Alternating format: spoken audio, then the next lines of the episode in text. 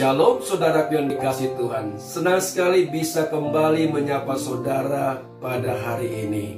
Sebelum kita merenungkan firman Tuhan Mari kita berdoa. Bapak di surga terima kasih untuk kebaikanmu kepada kami. Biarlah kami bisa mendengar suaramu Dan berbicaralah kepada kami semua. Demi Kristus kami berdoa.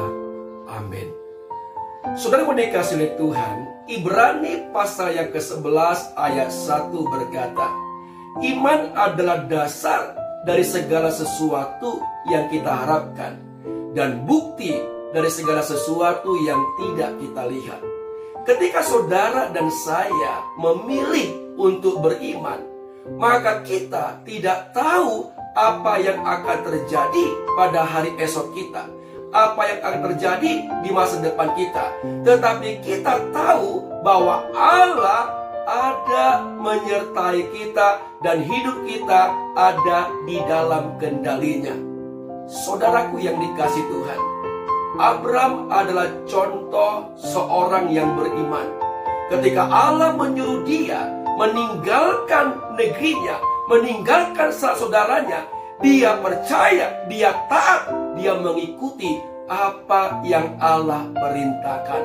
Saudara yang dikasih Tuhan, hari ini kita membutuhkan iman menghadapi kesulitan hidup, menghadapi pergumulan yang banyak. Kita tidak tahu masa depan kita, tapi Allah tahu persis masa depan kita, saudara. Kita nggak tahu apa yang akan terjadi pada hidup kita, tapi Allah tahu apa yang akan terjadi dalam kehidupan kita dan hidup kita ada di dalam kendali Allah. Saudara, jangan kita kehilangan percaya.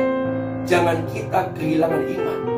Seperti Abraham, dia taat kepada Tuhan dan Tuhan menggenapi apa yang menjadi janjinya.